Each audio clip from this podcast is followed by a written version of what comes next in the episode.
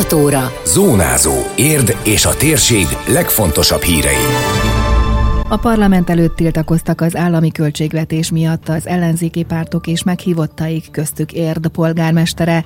A veszélyhelyzet három hónapját értékelte az érdi ellenzék, felszámolják az illegális szemétlerakókat tárnokon. Köszöntöm Önöket, Szabó Beáta vagyok. Ez a Zónázó, az Érdefem 113 hírmagazinja. A térség legfontosabb híreivel. Érd polgármestere sem mondhatta el véleményét a jövő évi országos büdzséről. A Költségvetési Bizottság szerdai ülésén szerettek volna felszólalni a parlamenti ellenzék által meghívott polgármesterek és szakszervezeti vezetők, ám a kormánypárti többség leszavazta a meghallgatásukra irányuló indítványt. Emiatt az országház előtt tiltakoztak az ellenzéki pártokkal együtt, illetve sajtótájékoztatót tartottak, ahol kifejtették véleményüket. Ezek lényeges eleme, hogy az önkormányzatok gazdálkodását negatívan befolyásolja a javaslat. Csőzik László polgármester is jelen volt, aki rádiónknak elmondta, a forrás elvonás érdet is súlyosan érinti, és fejlesztési lehetőségektől fosztja meg a várost. Hiszen elég rámutatni arra, hogy a gépjárműadó teljes egészében elvette a kormány, ez érd esetében 240 milliós elvonást jelent, és ez úgy néz ki, hogy jövőre is marad. És ami eddig nem volt, az az, hogy immáron érdnek is fizetnie kell úgynevezett szolidaritási hozzájárulást az állam részére. Ez körülbelül olyan 150 millió forintot fog kitenni a jövő esztendőben, tehát az iparűzési adóbevételeinkből át kell adnunk egy meghatározott részt a magyar állam részére. Csőzik László kitért arra, hogy érd minden évben mintegy 1 milliárd forintos célzott működési támogatásra szorul. Az elmúlt években a város meg is kapta az e körüli állami normatívát, és, mint mondta, azért lobbizik, hogy ez a forrás idén is meglegyen, hiszen a járvány elleni védekezés, illetve megelőzés súlyos 10 milliókat emésztett fel, valamint az elvonás miatt a költségvetés nehéz helyzetbe került. Az aszfaltozást azonban mindenképpen elkezdik, húzta alá a városvezető. Nem csak arra van szükség, szükségünk, hogy ez a város tovább működjön, hogy az alapvető szolgáltatásokat megkapják a polgárok, de arra is, hogy fejlődjön. Éppen ezért mi, akármi is van, folytatni akarjuk, illetve elkezdjük az aszfaltozási programot idén-nyáron. Én úgy gondolom, hogy az erre szánt és félretett pár millió forintot mindenképpen meg kell spórolnunk, meg kell képeznünk, és én azon leszek, hogy ez megtörténhessen, hiszen elemi erejű az igény, és óriási a probléma halmaz, amit okoz a poros, murvás, burkolatlan utcáknak a tömegeit érden tehát ezen változtatni kell. Az érdi ellenzéknek azt a felvetését, hogy van elég pénz a város kasszájában, és a gépjárműadó elvonása nem jelenthet gondot a városi költségvetésnek, csúsztatásnak nevezte a polgármester. Kifejtette, a város büdzséje 51 milliárd forint, ebből 36 milliárd a Modern Városok program fejlesztéseire pályázati támogatás csak arra költhető.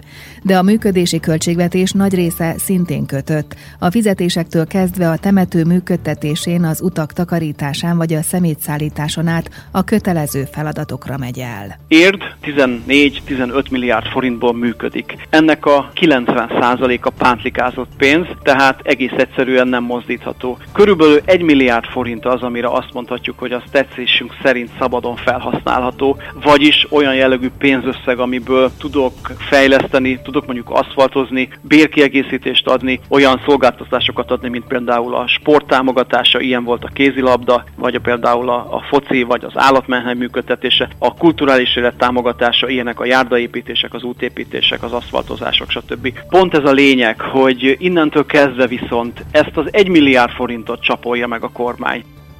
A témáról még többet olvashatnak az érdmost.hu hírportálon.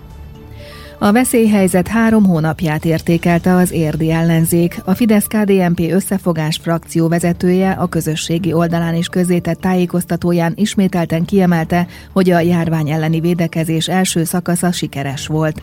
Köszönet illet mindenkit, aki részt vett a védekezésben, hogy a járvány Magyarországot ne érintse olyan súlyosan, mint más országokat, és a lehető legkisebb veszteségekkel tudjunk kijönni belőle, hangsúlyozta Simó Károly. Nem lett tömeges a járvány, és ennek három oka van. Az egyik a kiválóan felkészült szakemberek, akik irányították ezt a védekezést, de nagyon-nagyon fontos volt ebben az, hogy a magyar emberek megértették a fontosságát annak, hogy betartsák az alapvető szabályokat, a szakemberek javaslatait, és fegyelmezetten betartották a távolságtartás, illetve azokat a, a higiéniai intézkedéseket, amelyek szükségesek voltak ahhoz, hogy ezt a járványt lehetőleg kisebb mértékűre szorítsuk. A kormány időben hozta meg azokat az intézkedéseket, amelyek szükségesek voltak ahhoz, hogy mindez így történhessen.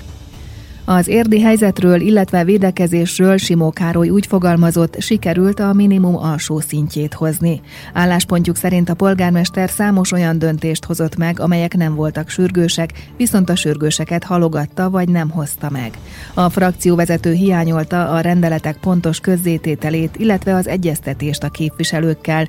Mint mondta, fajsúlyos kérdésekben a polgármester nem kérte ki az érdi közgyűlés álláspontját. Ezen kívül kifogásolta az érdi Sport Kft. 100 milliós alaptőke emelését, és hogy 100 millió forint fölötti osztalékot fizet a város az érdi csatorna szolgáltató francia rész tulajdonosának az elmúlt évek tartalékából. Hiányolta a tájékoztatást arról is, hogy tavasszal megváltoztatták az óvodai körzeteket. Velő magában nem is lenne nagy probléma, viszont nem feltétlenül jól sikerült ez a döntés. Nem adott lehetőséget arra, hogy jobbító javaslatokkal hozzászólhassunk. Így például előfordulhatott az, hogy az erdőszéle tagóvoda, ami a Favágó utcában van az M7-es autópálya fölött, úgy húzták meg a körzeteket, hogy az óvodától 200 méterre a Favágó utcában lakó családok, ők a Bentéri óvodába kerültek. Magyarán helyet, hogy kimennének a kapun és 200 métert a gyerekkel sétával elmennének az erdőszéle tagóvodába, ők bekerülnek az autóba és 4 kilométert utazva a Bentéri óvodába kell vigyék. Előzőleg Simó Károly röviden megemlékezett a 83 éves korában elhunyt Tóth Tamás volt alpolgármesterről. A sajtótájékoztatóról összefoglalót olvashatnak az Érdmoston. Felszámolják az illegális szemétlerakókat tárnokon. A település polgármestere közösségi oldalán számolt be arról, hogy komoly erőfeszítéseket tesznek azért, hogy ezeket a hulladékszigeteket megszüntessék, valamint megakadályozzák újra keletkezésüket. Azt tervezik, hogy sorompóval zárják le a magánkézben lévő utakat, illetve ahol ez nem lehetséges, éjjellátó és rendszámfelismerő kamerákkal figyelik a területet.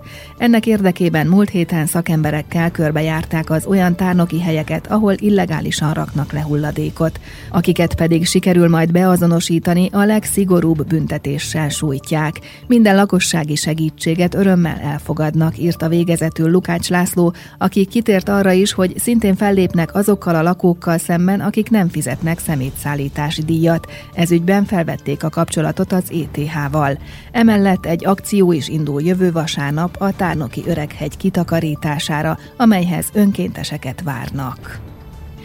Diákként dolgozni. A nyári szünet beköszöntével sok középiskolás, illetve egyetemista néz valamilyen kereseti lehetőség után. Az adóhatóság arra hívja fel a figyelmet, hogy a diákok bejelentésére, adózására a diák szövetkezeten keresztül vállalt munka kivételével ugyanolyan szabályok vonatkoznak, mint más munkavállalók esetében. Emellett érdemes azt is ellenőrizni, hogy az adott cég biztosan bejelentie a munkavállalóit, hangsúlyozta Salgó Attila, a NAV Pest megyei adó és vámigazgatóság sajtóreferense. A munkavállaló diákok közterviselés szempontjából felnőttnek számítanak, tehát ugyanúgy kell őket bejelenteni, illetve adózni. 16 éves kortól már bárki, de szünidőben 15 éves nappali tagozatos tanulók is vállalhatnak munkát, természetesen 18 éves kor alatt mindenki csak szülői hozzájárulással. Elsőként mindenkinek szüksége lesz a munkavállaláshoz egy adóazonosítójára, illetve adókártyára, hogyha még nincsen, akkor ezt a NAV honlapján tudja igényelni, akár egy okos eszközről is, tehát nem kell befáradni érte sehova se. Utána mi ajánljuk, hogy ellenőrizze a NAV honlapján a be nem jelentett alkalmazottakat foglalkoztató cégek listáját, tehát olyan céghez elmenni, akik gyakran nem jelentik be alkalmazottaival elég kockázatos.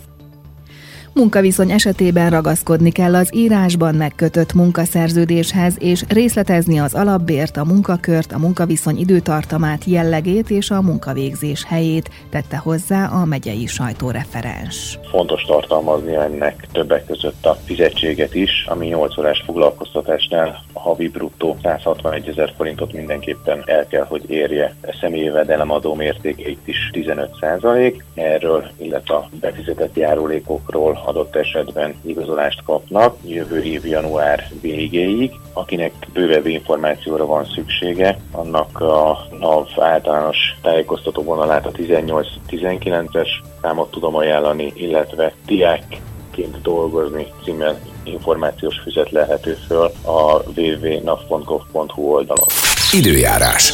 Közepesen felhős ég mellett hosszabb, rövidebb időre kisüthet a nap, de többfelé kialakulhat zápor, kisebb eséllyel zivatar, a szél megélénkül, a legmagasabb hőmérséklet 25 fok körül várható. Zónázó. Zónázó. Minden hétköznap azért efemen. Készült a médiatanás támogatásával a Magyar Média Mecenatúra program keretében.